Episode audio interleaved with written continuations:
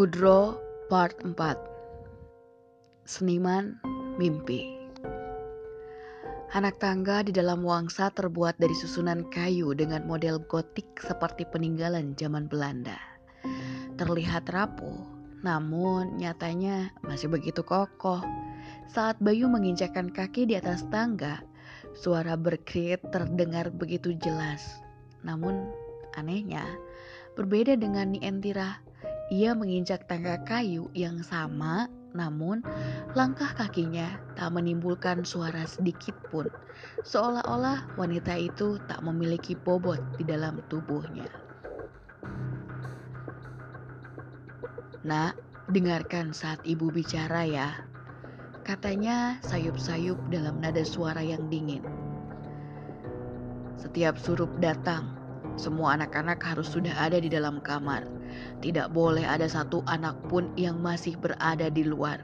Ingat pesan ibu ini. Bayu kecil mengangguk, menurut. Setelah melewati tangga yang berjalan memutar, akhirnya sampailah mereka di sebuah lorong ruangan yang lain. Dari salah satu pintu berjejer, Nientira berhenti. Ia merogoh ke dalam baju kebayanya, mengeluarkan segelincing kunci di sana. Dibukanya pintu tua berwarna coklat itu. Dengan lembut, ia mendorong Bayu agar masuk ke dalam ruangan itu. Sebelum wanita paruh baya itu berjalan mengikuti. Ruangan itu gelap, tak ada cahaya satupun di sana, kecuali bias terang dari luar wangsa yang melesat masuk melalui jendela. Nientira membersihkan debu di atas dipan, lalu menyuruh Bayu kecil untuk segera naik. Mulai besok, tempat ini akan menjadi kamar milikmu. Bersihkan besok ya nak. Bayu mengangguk. Ketika wanita itu akan menutup pintu, tiba-tiba ia berhenti lalu memandang ke tempat Bayu sedang berbaring. Ibu lupa mengatakannya, besok kamu akan memiliki teman yang tinggal di kamar ini. Setelah mengatakannya, wanita itu berjalan pergi. Seperti sebelumnya, tidak ada suara yang keluar saat dia meninggalkan tempat ini. Wanita yang aneh, pikir Bayu saat itu. Kini Bayu seorang diri, hanya bisa menatap ke langit-langit. Ia tidak tahu alasan kenapa orang tua itu membawa dirinya ke tempat ini. Bayu termenung. Ia merindukan belayan ibunya saat malam datang bersama dengan adiknya. Mereka akan mendengar suara ibunya bersenandung, mengalun, menidurkan mereka. Namun sekarang Bayu hanya akan mengingat satu hal di dalam hidupnya seumur hidup. Itu adalah saat-saat terakhir dirinya melihat adiknya berteriak sebelum digilas oleh mesin biadab itu. Perlahan-lahan mata Bayu mulai merasa lelah. Sesekali ia terpejam sebelum terbangun lagi dari kantuknya. Ia tidak bisa membohongi bahwa tempat ini begitu asing bagi dirinya. Bayu merasa tak nyaman, namun dirinya tak bisa berbuat apa-apa. Bila ia nekat pergi dengan meninggalkan tempat ini, apakah hal itu mungkin bagi dirinya? Ke mana ia akan pergi sementara di sekitar bangunan ini? Bayu tahu, hanya ada hutan belantara yang liar. Bisa saja ia mati lebih dahulu di dalam hutan. Matanya kembali terjaga melihat ke langit putih dengan ukiran-ukiran usang. Saat dari bawah pintu, Bayu mendengar suara kecil. Suara kemeresak saat seseorang menggesek lantai yang terbuat dari kayu. Sek, sek. Bayu melihat ke arah pintu. Suara itu terdengar semakin jelas, mendekat ke tempatnya, sedang berbaring. Sek, sek. Bayu tercekat dalam diam. Ruangan itu mendadak menjadi sunyi. Sunyi, tak ada suara lain yang terdengar di telinganya kecuali suara misterius tersebut. Tiba-tiba, Bayu melihat sebuah bayangan baru. Bayangan baru saja melintas dari bawah pintu, diikuti suara yang masih belum jelas siapa pemiliknya. Sek. Semakin lama suara itu kian terasa jauh. Bayu termenung memikirkan, siapa? Siapa yang melakukan ini? Saat dirasa semua sudah mulai tenang, Bayu tercekat tertuju pada pintu. Ia melihat dengan jelas bahwa pintu kamar Bayu sedang dicoba dibuka paksa. Kenop pintu bergerak keras seolah-olah siapa pun yang ada di luar sana sedang mencoba merangsek masuk ke dalam ruangan tempat Bayu masih termangu mematung. Seseorang ataukah sesuatu yang sedang mencoba membuka paksa pintu, namun pintu sudah dikunci oleh Nientira. Seakan-akan wanita itu tahu bahwa bila ia tak mengunci pintu, akan ada yang datang ke tempat ini. Meski begitu, Bayu tetap merasa takut. Ia tersentak mundur, menyudut di tembok paling ujung. Ia berusaha sekeras mungkin untuk tak menimbulkan suara sedikit pun. Knop pintu masih berputar keras, diikuti oleh suara ketukan yang tak berjeda.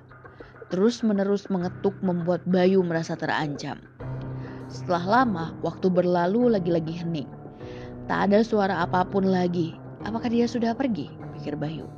Ada keingintahuan yang kuat yang membuat Bayu merasa penasaran. Siapakah itu? Namun, Sisi lain, dari diri Bayu menolak keras bahwa mungkin saja siapa pun itu masih berdiri di sana, menunggu Bayu membuka pintu, tapi tetap saja tak ada yang bisa menahan godaan dari rasa penasaran hal ini. Juga berlaku bagi seorang Bayu kecil karena tanpa sadar ia sudah berjalan turun dari dipan lalu berdiri tepat di depan pintu dengan satu tangan memegang kenop. Bayu termenung sejenak ia tahu pintu ini dikunci oleh Nientira, jadi dirinya pun tak akan bisa membuka pintu ini sebelum sorot matanya menangkap sesuatu di atas meja, kilatan familiar yang ia kenal. Rupanya, di sana tergeletak kunci lain. Apakah itu adalah kunci untuk pintu ini?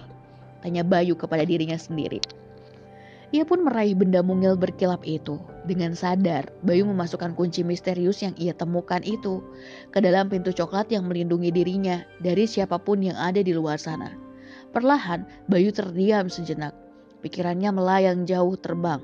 Sebelum klik, Bayu sadar bahwa kunci yang ia temukan cocok dengan pintu kamar ini. Jantung di dalam tubuh Bayu tiba-tiba berdegup lebih cepat dari biasanya. Asma yang sudah lama ia derita tiba-tiba muncul, serta membuat pernapasannya mulai goyah. Namun, Bayu mengesampingkan semua itu. Ia membuka pintu, membiarkannya terbuka lebar, namun aneh. Tak ada siapa pun yang berdiri di luar sana. Lalu siapa yang tadi menggedor-gedor pintu miliknya? Bayu berniat menutup pintu kembali saat tiba-tiba sesuatu keluar dari arah samping.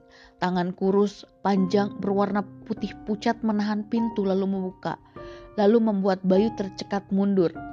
Terutama saat sosok itu menunjukkan wajahnya. Seorang wanita tua jangkung, tingginya tidak normal, nyaris setinggi pintu. Ia membungkuk dengan mulut terbuka lebar. Ia menyeringai tepat di wajah Bayu. Sebelum tangannya yang sepanjang pelilis menyentuh kepala Bayu kecil. Membuat anak itu kehilangan kesadarannya. Karena setelahnya ia melihat sebuah pemandangan di samping meja makan yang panjang. Aroma dari makanan yang tumpah ruah di atas meja makan panjang terlihat sejauh mata memandang. Bayu berdiri di atas mereka, di antara mereka. Namun anehnya, seperti tak ada satu orang pun yang menggubris kehadiran dirinya. Aneh. Bayu berjalan mendekat, melihat di balik meja panjang ini tersusun kursi-kursi kayu yang dipilih dengan warna coklat terang. Di matras dengan beludru berwarna merah tua. Begitu megah, begitu mewah. Bayu masih belum mengerti di mana dirinya sedang berada. Ia hanya mengamati bahwa di sana ada banyak lelaki berusia uzur. Beberapa kursi dihuni oleh wanita yang mengenakan sanggul. Namun yang sama dari mereka semua adalah pakaian yang mereka kenakan. Pakaian berwarna hitam dengan bahan alus yang dijahit dengan tenun. Jenis pakaian ini tak banyak dimiliki oleh orang biasa, kecuali orang-orang yang memiliki nama dan kekayaan yang melimpah. Hal ini membuat Bayu kecil penasaran, siapa orang orang-orang ini. Bayu berjalan memutari mereka, memperhatikan wajah-wajah senang itu. Beberapa sedang bersenda gurau, beberapa yang lain sedang bercakap sambil sesekali tertawa bahagia. Mereka tanpa menikmati pesta makan ini, diikuti oleh hilir mudik para abdi-abdi perempuan yang membawa makanan lagi dan lagi meletakkannya di atas meja. Bayu juga beberapa kali mendengarkan percakapan mereka Mulai dari bagaimana kelancaran bisnis, bagaimana menguasai suatu wilayah, bagaimana mengumpulkan uang yang lebih banyak. Sayangnya, Bayu tak mengerti sama sekali apa yang sedang mereka bicarakan sebenarnya. Sampai Bayu tersadar akan sesuatu. Tepat di ujung meja ada satu kursi yang dipilin paling indah. Berwarna putih cerah dengan beludru berwarna merah terang. Kursi itu juga jauh lebih besar dibandingkan dengan kursi-kursi yang lain. Diukir dengan pola indah bermotif daun batang dan bunga yang akan membuat siapa pun terkagum-kagum saat melihatnya. Kenapa kursi itu kosong? pikir Bayu. Semua orang masih terfokus dengan urusannya sebelum sesuatu terjadi. Pintu tiba-tiba terbuka lebar, lalu terlihat seorang melangkah masuk. Ia berjalan terseok-seok sebelum jatuh dan menghantam lantai. Seorang lelaki tua dengan rambut putih panjang, meski kepalanya baru saja menghantam lantai, lelaki tua itu masih bisa bergerak. Ia merangkak menggunakan kuku jarinya, sembari sesekali kedua kakinya menendang-nendang. Sejenak di dalam ruangan itu, semua orang diam. Tak ada satupun dari orang-orang yang ada di sini berbicara. Mata mereka terfokus pada si lelaki tua yang seperti sudah tak berdaya. Bayu menyadari bahwa wajah lelaki tua itu dipenuhi oleh darah. Tak beberapa lama terdengar seseorang melangkah masuk. Ia berjalan dengan tenang. Seorang yang mengenakan pakaian hitam yang sama. Di kepalanya ia mengenakan belangkon berwarna coklat hitam. Ia berjalan mendekati lelaki tua yang kini mulai berteriak histeris. Apa kau tidak ingat siapa yang berjasa membawa dirimu, bangsat? Tak ada suara, hanya teriakan si lelaki tua beruban. Lelaki itu masih berjalan begitu tenang. Monokolo Kuncoro akan membalas keluargamu sampai belum selesai bicara, tiba-tiba lelaki yang sedari tadi berjalan mendekat menancapkan sebilah golok tepat di tengkorak lelaki tua itu dan langsung menghabisinya. Bayu tertegun melihatnya. Ia berjalan mundur, tidak mengerti apa yang sebenarnya terjadi. Saat sadar, Bayu mendengar semua orang yang ada di dalam ruangan ini tertawa terbahak-bahak. Mereka melanjutkan pesta tanpa mempedulikan seorang manusia yang baru saja tewas dan dihabisi. Ada apa dengan orang-orang ini? Sentakan rasa sakit tiba-tiba muncul di dalam kepala Bayu. Rasa sakit itu teramat sangat seperti ingin memecahkan isi kepala Bayu. Samar-samar pemandangan di tempat ini perlahan memudar. Bayu melihat sesuatu. Makhluk yang dia lihat di wangsa berdiri di sudut ruang, menyeringai sebelum semua lenyap begitu saja. Bayu terbangun di atas ranjang. Di sampingnya, lelaki tua yang membawa dirinya ke tempat ini. Sedang duduk memandangi dirinya, ia tersenyum-senyum misterius. Seniman mimpiku Westangi, katanya lembut.